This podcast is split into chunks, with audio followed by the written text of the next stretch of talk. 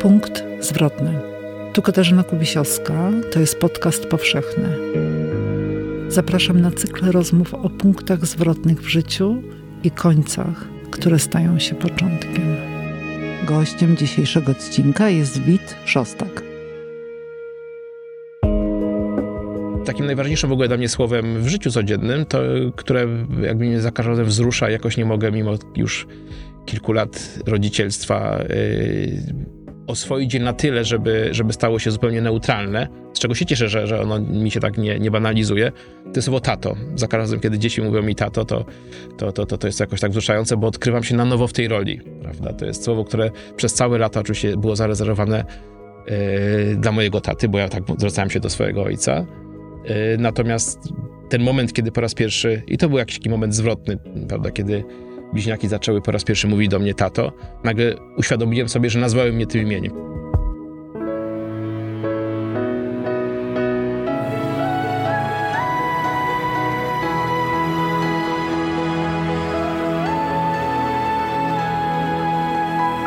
Podcast powszechny. Weź, słuchaj. Dziękujemy patronkom i patronom za wsparcie. Dołącz do grona dobroczyńców podcastu Tygodnika Powszechnego w serwisie Patronite. Dzień dobry, z Krakowa, ze studia Tygodnika Powszechnego przy ulicy Dworskiej 1C, Katarzyna Kubisiowska. Dziś ze mną w studiu jest Wit Szostak. Naszą rozmowę chciałabym zacząć od wanny. Mam rozmawiać o punktach zwrotnych i pomyślałam, że być może ta wanna była na pewien sposób tłem dla punktu zwrotnego, bo w tej wannie w czasie kąpieli, w trakcie kąpieli, twój tata opowiadał ci różne historie, między innymi mit o Odysie. Tak. Y, u nas w domu y, mnie i mojego brata kąpał tata i to od czasów takich noworodkowych, aż do, aż do czasu, kiedy sami zaczęliśmy się kąpać.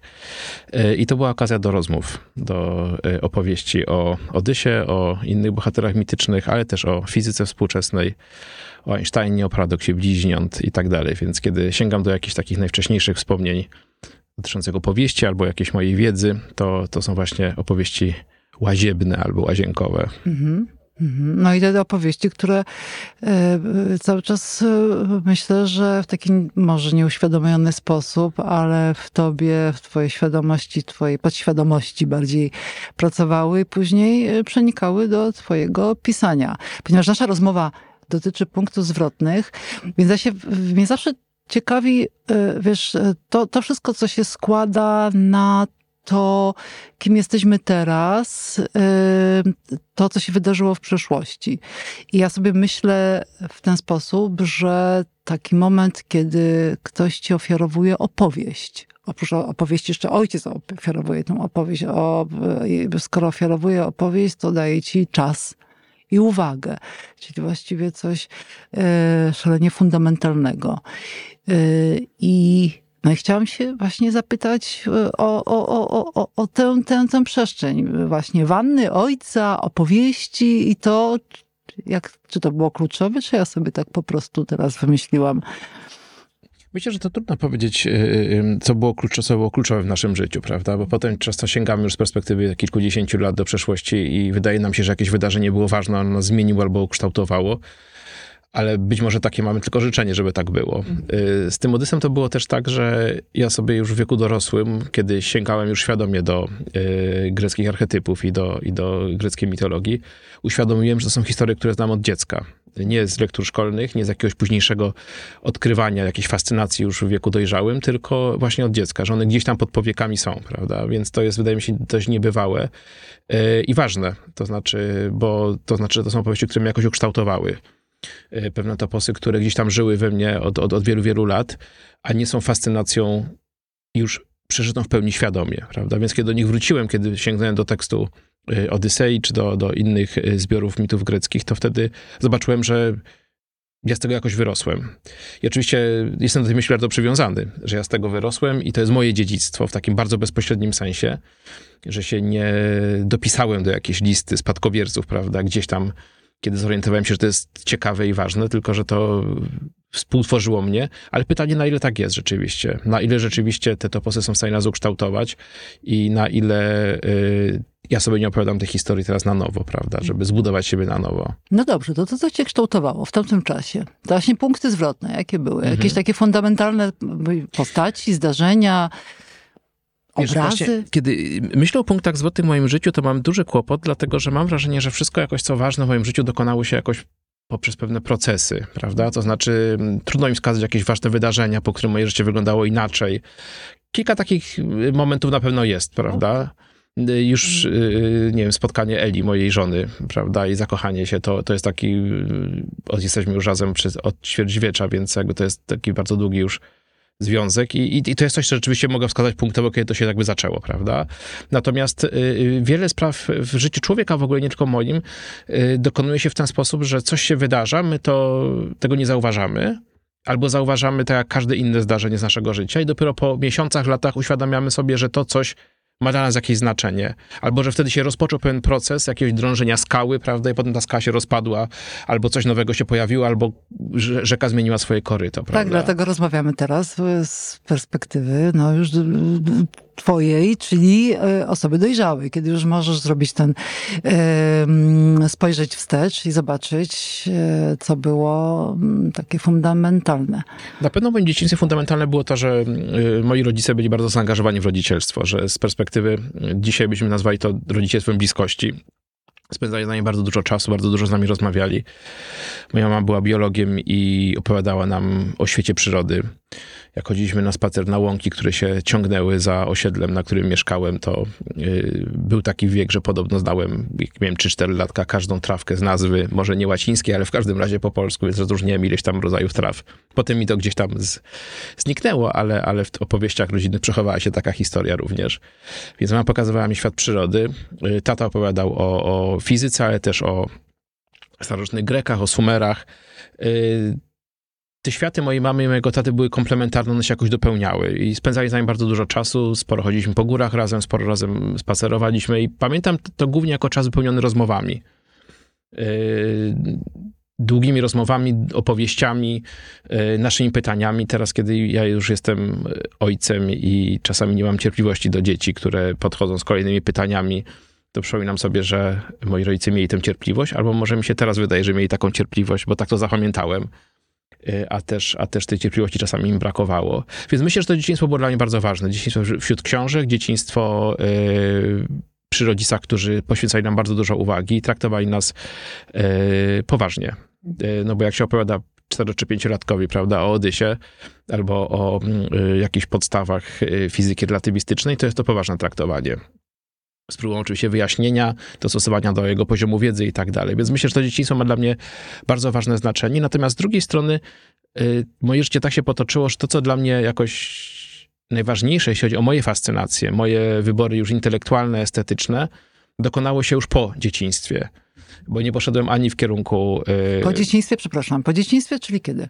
Myślę, że to jest czas liceum. To znaczy, to jest taki moment, kiedy poszedłem do liceum. To jest chyba to jest to ten system, który teraz powrócił, czyli 8 lat podstawówki w wieku 15 lat, kiedy człowiek już jest y, w, tym, tej fazie dojrzewania i zaczyna budować siebie i nagle radykalna zmiana otoczenia. Inni ludzie, inne miejsce, y, inne zachowania, inne wzorce. I rzeczywiście to przejście z osiedlowej szkoły podstawowej do liceum, które gdzieś tam wybrałem, poznanie nowych ludzi, zaowocowało no, nie tylko przyjaźniami, które trwają do dzisiaj, nie tylko tym, że poznałem tam moją, moją żonę, e, ale też tym, że rzeczywiście pamiętam, że się jakoś tak budziłem intelektualnie też do życia i odkrywałem pewne inne sfery, których w domu nie było, prawda? Albo o których mówiło się mniej. Budziłem się intelektualnie do życia, czyli Wtedy zacząłem odkrywać i filozofię, i religioznawstwo, humanistykę e, szeroko rozumianą i nagle zobaczyłem, że obok przyrodoznawstwa, które u nas w domu dominowało, mój ojciec jest em, statystykiem, ekonomistą, e, ale też bardzo zainteresowanym fizyką, studiował też fizykę, mama biologiem, więc u nas to podejście przyrodoznawcze, że tak powiem, trochę staroświecko było dominujące. Ta perspektywa patrzenia na świat, jako świat, który jest pierw ukształtowanym kosmosem fizycznym, z drugiej strony jest e, mm, zamieszkały przez życie różnorodne formy życia, to, to, to, to była ta główna opowieść o świecie, prawda? Natomiast e, w liceum zacząłem odkrywać świat idei abstrakcyjnych i I potem to, co mnie dalej zbudowało, to, to, to było właśnie to. Więc jakby już to się wydarzyło jakoś poza dzieciństwem. I ja zadaję sobie pytanie, jak się łączą te, dwie, te dwa okresy w moim życiu. Dzieciństwo, a z drugiej strony ten czas już licealno-studencki potem, kiedy, kiedy dokonał się jakiś zwrot we mnie, w moim myśleniu o świecie, też moich fascynacjach i, i nie potrafię tego do końca skleić, no ale taka jest też logika życia, prawda, że, że te przejścia się dokonują bezboleśnie czasami, a potem intelektualnie trudno je skleić w jakąś taką spójną opowieść przyczynowo-skutkową na przykład. Prawda? Mhm. No a decyzja o tym, e, że będziesz e, studiował, w takim sensie studiowania rzeczywiście, analizowania, czytania, e, przemyśleń, pisania, filozofię. To kiedy ona nastąpiła? Na studiach już wtedy? No Nie, bo... wcześniej, dużo no wcześniej, właśnie. w liceum. Mhm. Ja chodziłem do liceum PR-ów i to był drugi rok po takiej reformie w latach 90., którą zrobił y, Tadeusz Gadacz, który został dyrektorem y, tego liceum. Bardzo to... dobre krakowskie liceum. Tak, wtedy, wtedy byliśmy byli drugim rocznikiem koedukacyjnym, bo wtedy było tak, że jak ja byłem w pierwszej klasie, to jeszcze dwie klasy były, trzecia i czwarta to były klasy jeszcze męskie, z tych starych PR-ów to były historie pełne legend i różnych opowieści. Rozmaici outsiderzy tam. Tak, outsiderzy, bardzo ciekawe osoby, ale też jakby widać było pewną granicę, taką różnicę pomiędzy nami, to znaczy myśmy mm, trochę się ich obawiali, jak to też trochę jakby starszych kolegów, ale też to był trochę inny świat w ogóle. I potem te dwa roczniki, czy ja w pierwszej klasie i druga klasa ówczesna, e, już koedukacyjne już, e, które weszły do tego liceum, realizując ten program autorski, który, który opracował Gadacz. E, więc to był dość ciekawy czas też, taki przełomowy dla tego liceum. Yy, I konkretnie zajęcia z filozofii, które były prowadzone bardzo w wykładowy sposób akademicki z gadaczem, yy, to był taki moment, kiedy nagle ten świat idei mi się otworzył. Mhm. Kiedy... Co znaczy, że świat idei się otwiera? Yy, nagle zobaczyłem, że pojęcia słowa y, mogą odgrywać zasadniczą rolę, prawda? Że nie tylko fakty, empiria, coś, co znałem dość dobrze z tej opowieści czy też takiej narracji, która w moim domu była o rzeczywistości, prawda? Jest obserwacja przyrody, jest analiza danych, zbieranie danych, tylko nagle same słowa, że one nami czasami rządzą, że one budują te najszersze, największe ramy naszego myślenia o świecie, że my czasami nie jesteśmy zupełnie świadomi, posługując się na co dzień pewnymi słowami, niekoniecznie wziętymi wprost z metafizyki, ale pochodzącymi z tego porządku pojęć ogólnych, y, że one jednak nas kształtują, prawda? Nawet do końca nie wiemy jak, ale jednak, ale jednak tak się dzieje, prawda? Więc kiedy mówimy na przykład o tym, że czas płynie, to włączamy w to całą metaforykę i rzeki, i płynięcia, i upływania, pewne obrazy, które no, ma, każdy z nas ma, prawda? Każdy z nas widział rzekę, każdy z nas widział płynięcie, wyciekanie wody ze szklanki przewróconej na stole i tak dalej. I wydaje nam się, że to coś, ta, y, y, to, to, to, to, to słowo, czy też ten zwrot, prawda, czas płynie, opisuje coś bardzo realnego, a jednocześnie być może to jest tylko słowo, które z braku lepszych znaleźliśmy na wyrażenie pewnego fenomenu, który jest fundamentalny, mhm. taki jak czas, ale który jest czymś być może zupełnie innym, prawda? Odkrycie tego, że można patrzeć na świat w bardzo rozmaity sposób, bo taki podstawowy kurs filozofii, jeżeli to jest przedstawienie historyczne głównych filozofów i ich głównych idei, no to jest intelektualny rollercoaster, prawda? Pokazuje w gruncie rzeczy, jak bardzo zmieniało się podejście do świata, jak każdy filozof proponował zupełnie inną perspektywę i nagle trzeba zmienić perspektywę z tej zdroworozsądkowej, codziennej, mhm. na tę perspektywę Platona, Arystotelesa, Hegla, Heideggera, żeby zobaczyć świat zupełnie inaczej. Ale ja jestem ciekawa, czy ty masz e, w swoim słowniku słowa, do których masz, jesteś wyjątkowo przywiązany. Są dla ciebie szczególnie ważne. Ty, Wit Szostak. Albo ty, Dobrosław Kot. Bo to jest, e, Dobrosław Kot to jest filozof, Wit Szostak to jest e, pisarz. E, tutaj musimy no, powiedzieć, że Witrzostak to jest twoje, e, twój pseudonim. Mam ogromną pokusę, żeby się zapytać, jak się do ciebie zwraca twoja żona. E, ona mówi po, po ty, moim oficjalnym imieniem, czyli mówi Dobrek, ale taka chyba w ogóle jest praktyka w większości związków czy, czy, czy relacji, że y, to imię jest rzadko potrzebne, prawda? Ponieważ jak człowiek jest na podorędziu, to nie trzeba mówić do niego imieniem, prawda? Tylko, tylko słuchaj, tutaj masz kawę na piersie kawy, prawda? Pomóż mi w tym, czy zróbmy coś razem, więc nie ma potrzeby imienia. Imiona używałem do naszych dzieci, bo to trzeba rozróżnić, prawda? Czy zawołać Ignacego, czy Kosmę, czy Łucję. Wtedy te imiona są potrzebne, prawda? Ale, ale kiedy już je zwracamy do siebie, to te imiona rzadko padają. Ale kiedy, kiedy pojawiają się, albo kiedy, kiedy, kiedy yy, żona w mojej wersji mówi o mnie do yy, komuś innemu, to wtedy, te, wspominając coś, czy opowiadając jakąś historię, to wtedy używa imienia Dobrek.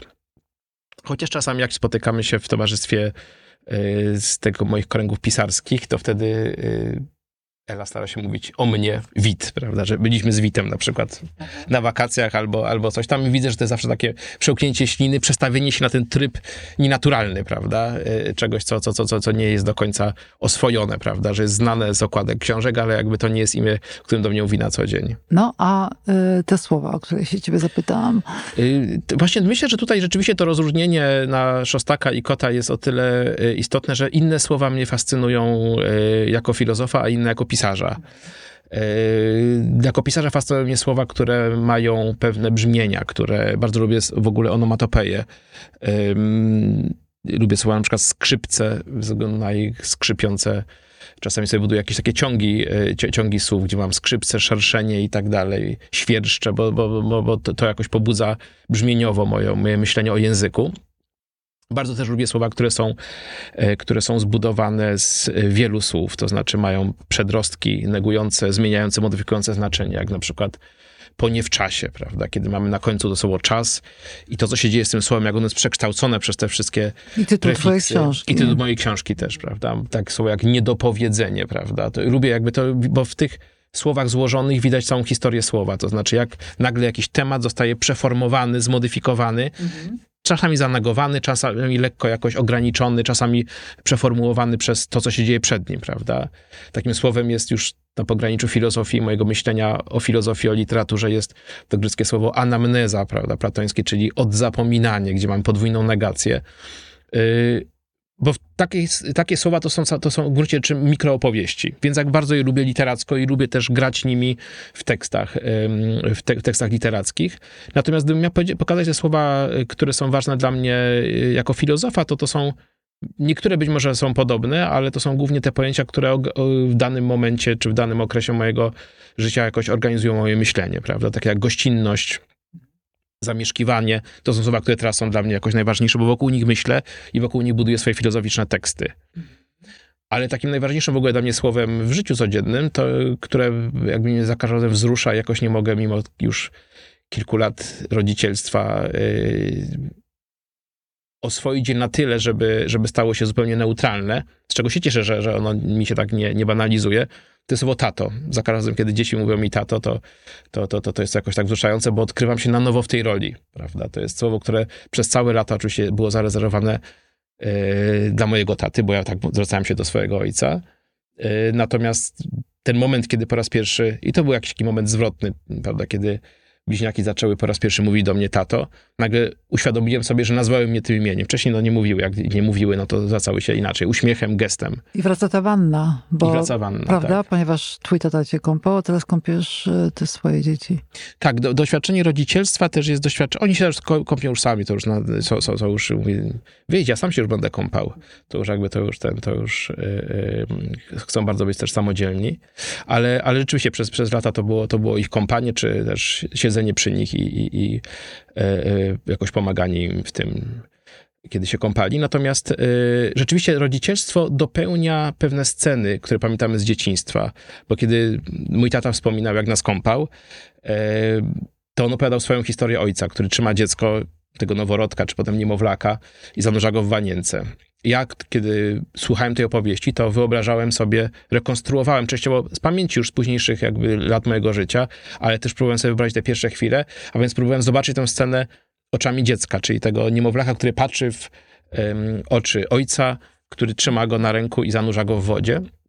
A potem, kiedy wziąłem własne dzieci i zanurzyłem wanience, zobaczyłem ten, tę scenę z drugiej strony, jakbym ustawił teraz kamerę e, em, i zobaczył oczami ojca, prawda? Czyli widzę dziecko zanurzane w wodzie, a nie ojca, który się nachyla nad wanienką, prawda? Więc rodzicielstwo dopełnia sceny, tej perspektywy. Potem jeszcze jak filozofia, która pokazuje świat z różnych perspektyw, tak doświadczenia też dopowiadają nam świat, prawda? Więc jakby to doświadczenie rodzicielstwa też mi domyka świat z drugiej strony, pokazuje jak to, jak to wygląda. A słowa, które wypowiedziały do ciebie dzieci, nie tylko tato, to jest część, częstym słowem pewnie w domu, ale takie, które zapadły ci szczególnie w pamięć i myślę tutaj już nawet nie o samych słowach, tylko o dialogach. Czy na przykład zapisujesz dialogi ze swoimi dziećmi. Ym, Staram się nie być takim, takim na, na, zbyt skrupulatnym kronikarzem codzienności, bo mam wrażenie, że takie ciągłe śledzenie, czy z aparatem fotograficznym, czy z notesem życia i zapisywanie go jakoś paradoksalnie zubaża nam to życie, prawda? Bo stajemy się trochę obserwatorami własnego życia, więc staram się jakby robić to w tej ostateczności, znaczy kiedy jakiś zwrot zwrot dziecka e, wpadnie mi w ucho, prawda, i siedzi długo, to wtedy go zapisuję. E, Do tego stopnia, że, że wykorzystuję też to w, w swoim pisaniu. E, I w ostatniej książce, ale też w poprzednich pojawiają się zwroty, tak? szczelinami, tak, i pojawiają się zwroty, które są wprost wzięte e, z języka, z języka moich dzieci. Zapytałeś się jej o to?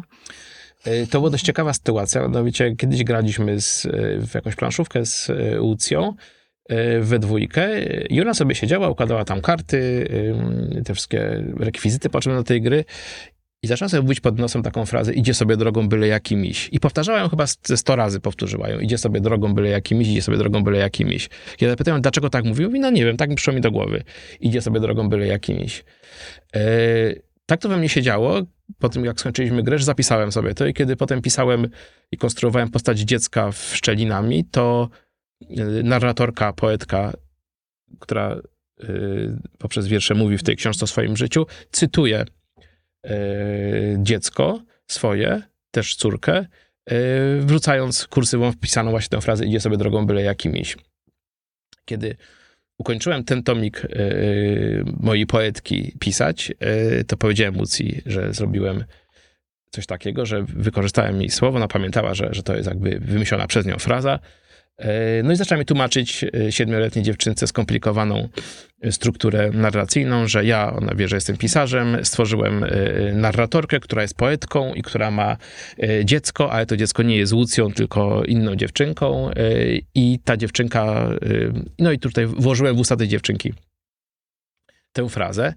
I Lucy na początku była y, niezadowolona. Mówi, ale to ja wymyśliłam. Ja mówię, no ja tego nie podam jako swoje własne, tylko jest to zacytowane, że to dziecko wymyśliło, to jest jakby język dziecka. Starałem się jakoś ją uspokoić, ale nie była zadowolona do końca, że tutaj nagle kra- okradam ją z jej własnych słów, ale postanowiła klin klinem odpowiedzieć tutaj na moją tutaj uzurpację, czy na moją kradzież. I za dwa dni przyszła do mnie i powiedziała, napisałem książkę Byle jaki miś. I do tej pory piszę kolejne przygody, spisuję byle jakiego misia, który chodzi po lesie, spotyka wiewiórki, rozmaite inne leśne zwierzątka, ma rozmaite przygody z rysunkami, y, część nawet już napisała na komputerze, więc jakby, więc jakby tutaj y, jej opowieść o byle jakim mieściu zdyskontowała to moje użycie, czy też nadużycie cytatu z niej. Bardzo mi się podoba ten pomysł e, Łucji na, e, na zagospodarowanie swojej frazy. Tak, potem to powiedziała, kiedy już się rozkręciła z pisaniem przygód byle jakiego misia, yy, siedzi przy stole i mówi, wiesz, to ja już nie będę czytała książek, już będę pisała książki. Mhm. Także- No, a właśnie ten 99 rok, 1999 rok, kiedy ty debiutujesz e, jako prozaik e, w fantastyce. E, Pamiętasz e, ten moment, kiedy on jest za- zawsze, myślę, że jednak szczególny, myślę, że pamiętasz, e, kiedy po raz pierwszy ukazuje się właśnie prozatorski tekst, e, debiut. Tak, no to jest rzeczywiście we, we, doświadczenie, które, które, które ma, ma, jakąś taką moc. Pierwszy tekst w, w, w, tej- w czasopiśmie, potem pierwsza książka, prawda, to jest taki... Potem już tego nie ma, to znaczy potem człowiek już przychodzi, widzi w księgarni własną książkę i cieszy się oczywiście, ale no to trudno wywołać w sobie tę euforię, która jest gdzieś tam, taka radość. Świat należy do mnie, wydałem książkę, wszyscy widzą, proszę bardzo, leży, czy w spisie treści jest moje nazwisko, prawda, w czasopiśmie. To rzeczywiście było, było doświadczenie takie To jest ta bardzo, siła bardzo pierwszego ważne. razu, prawda? Która jest, no... Tak, tak, tak, której nie da się potem jakoś, jakoś powtórzyć i, i może dobrze, może dobrze, bo pierwsze razy by nie miały znaczenia w związku z tym, gdyby każdy kolejny był taki sam. No a ten pseudonim Witrzostek, jak to było? Jak, jak, jak, jaka jest jego genealogia?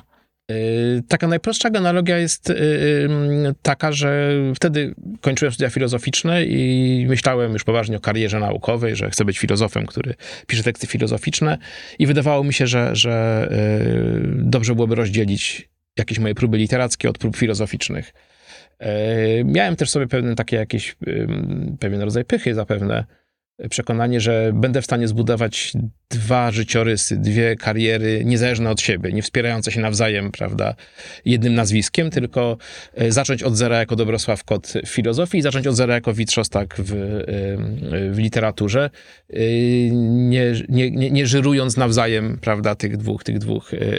To się jakoś udało w takim sensie, że, że gdzieś tam, gdzieś tam udało mi się coś w filozofii zrobić i w literaturze, więc w tym sensie po latach widzę, że, że jakoś udało mi się nie wspierać jednego drugim, przynajmniej na tym zewnętrznym poziomie po, po sygnatury, prawda?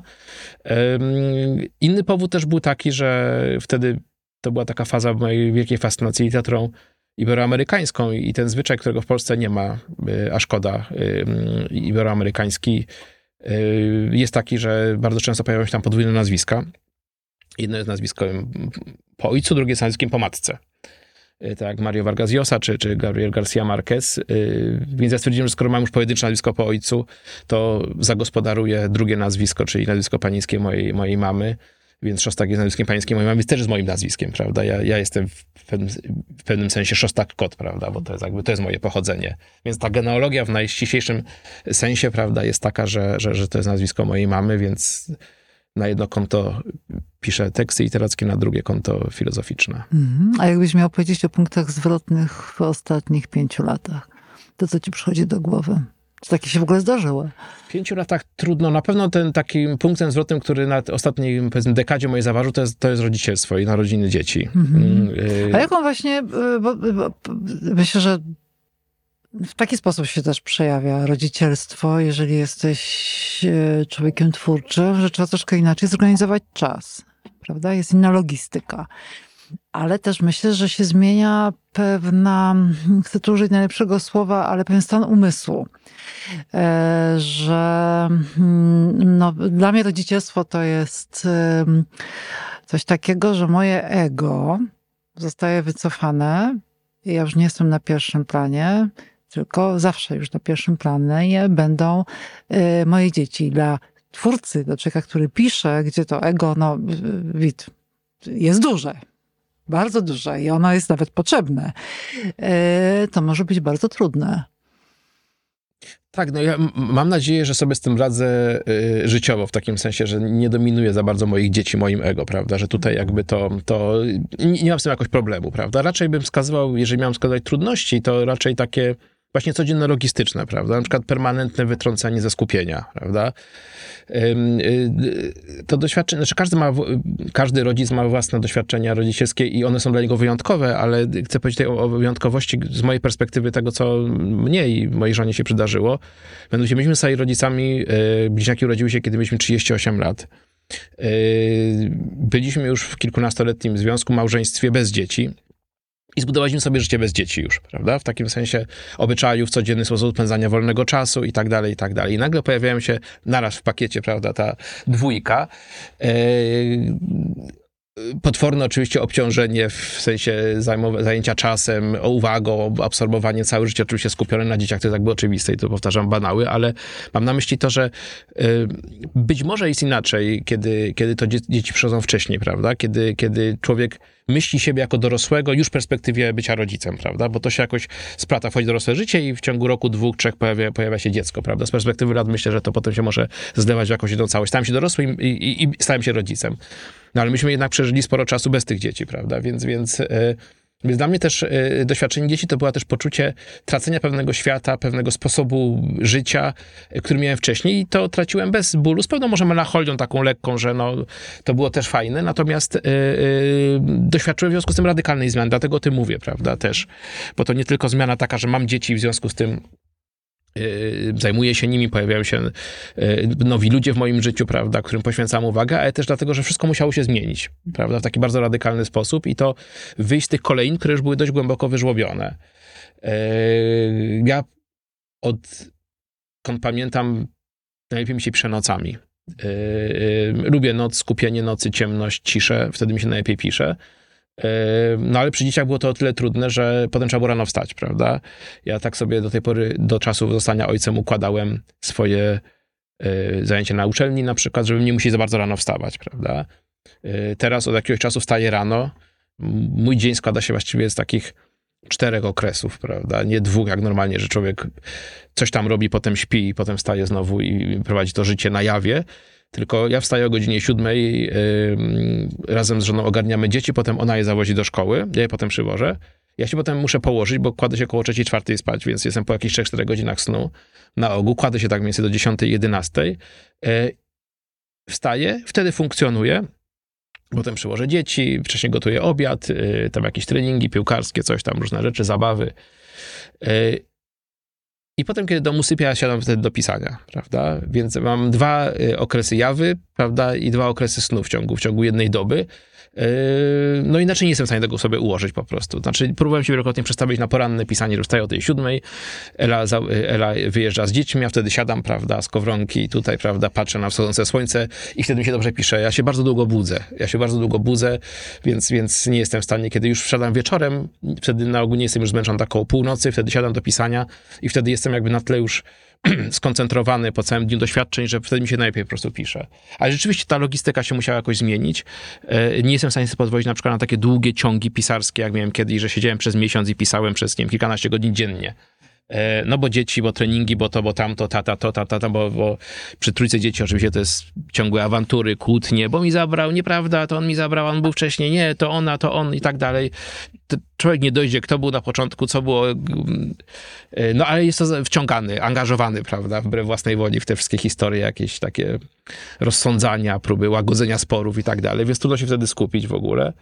E, I myślę, że gdyby spojrzeć na to, co napisałem po narodzinach dzieci, to te książki mają inną strukturę. One są zbudowane raczej z mniejszych porcji Tak, tekstów, tak, fragmentaryczne. które jestem fra- fragmentaryczne, bo to jest coś, jestem w stanie się na- nad tym skupić. Ja to robię świadomie. Mi się przypomniała taka jeden wywiad z, yy, z Borgesem, który był niewidomy i mówił, że yy, nie napisze nigdy powieści, bo nie jest w stanie, nie mając wzroku, nie jest w stanie ogarnąć dużej formy. To znaczy jest w stanie w tym swoim umysłem objąć małe 20-stronicowe maksymalnie opowiadanie, prawda? Że, że mieć jakieś właśnie schematy, plany, na przykład kartkę papieru, na której ma rozpisany jakiś, jakiś e, plan, żeby napisać powieść, więc rzeczywiście Borges nigdy powieści nie napisał. Być może też były inne powody, prawda? Ale jeden z tych, kto wy- wymienił tutaj, tutaj e, tę swoją przypadłość. E, Więc ja myślę, że, że z powodu dzieci ja też nie piszę już takich długich, znaczy te teksty mogą być długie, w sensie mieć kilkaset stron ostatecznie, ale też ich forma jest bardziej fragmentaryczna, bardziej pocięta, bo jestem w stanie wejść te kilka, kilkanaście stron naraz i to jest ten, to za- zanurzenie, na które jestem w stanie sobie pozwolić. Potem muszę się wynurzyć, bo życie mnie przyzywa na powierzchnię, prawda? Więc, więc no, przyjmuję to jako dobrodziejstwo inwentarza, prawda? Tak sobie przeorganizowałem też twórczość, więc, więc e, e, nie, nie boleję jakoś nad tym, że to się zmieniło. E, Szukam w tym jakiejś nowej inspiracji, jakichś nowych dróg e, dla, dla mojego pisania, więc, więc no tak jest po prostu. Mhm. To jest ciekawe, jak egzystencja, codzienność e, przekłada się na formę albo kształtuje tę formę, prawda? Tak, to prawda, tak. Ja na koniec chciałabym się ciebie zapytać nie o to, co było, tylko o to, co będzie, czyli to, co chciałbyś, żeby się wydarzyło w twoim życiu, może nie tylko w twoim, może i w najbliższych, a może na całym świecie, w najbliższym czasie, może dwóch, trzech miesięcy, może roku. Nie wiem, jak, jakie perspektywy używasz, jeżeli patrzysz w przyszłość. No tych perspektyw jest kilka, prawda? Dlatego, że, że w zależności od tego, na co patrzymy, na jakąś część naszego świata, to ta perspektywa no, jest do tego dostosowana czasowa, prawda? Kiedy myślę o moich dzieciach, to myślę o perspektywie jakichś tam kilkunastu lat, kiedy, prawda, obawa każdego rodzica, prawda, y, czy będą szczęśliwi, czy będą, będą sobą, czy będą w stanie w świecie, w którym ich otacza być sobą, cokolwiek to oznacza, prawda? Więc to jest, kiedy ma się ośmioletnie dzieci, to jeszcze jest perspektywa tych kilkunastu lat, zanim one wejdą w to dorosłe swoje życie.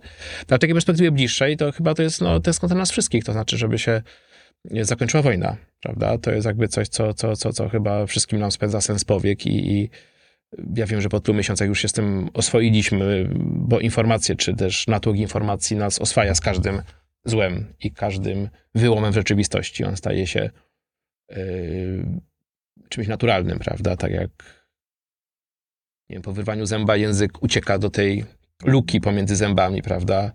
w jamie ustnej, a potem się z tym oswaja i potem już nie zauważa tego, że tego zęba nie ma. Więc niestety tak również jest z wojną. Prawda? Te emocje z, z lutego czy z marca, y, kiedy każdy przyłoży teraz do tego emocje, które teraz mamy, są no, inne po prostu. E, ale myślę, że taką najgłębszą tęsknotą czy pragnieniem nas wszystkich jest to, żeby się ta wojna zakończyła po prostu. Żeby ludzie przestali cierpieć i żeby to się wszystko jakoś poukładało.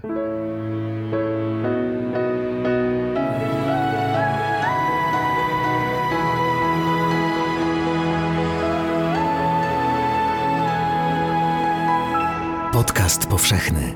Weź, słuchaj. Jeśli słuchają nas Państwo w Spotify albo w Apple Podcast, zasubskrybujcie nasz kanał. Jesteśmy też w Google Podcast i w aplikacji Lekton oraz na www.tygodnikpowszechny.pl/podcast. Dziękujemy patronkom i patronom za wsparcie. Współwydawcą podcastu powszechnego jest Fundacja Tygodnika Powszechnego.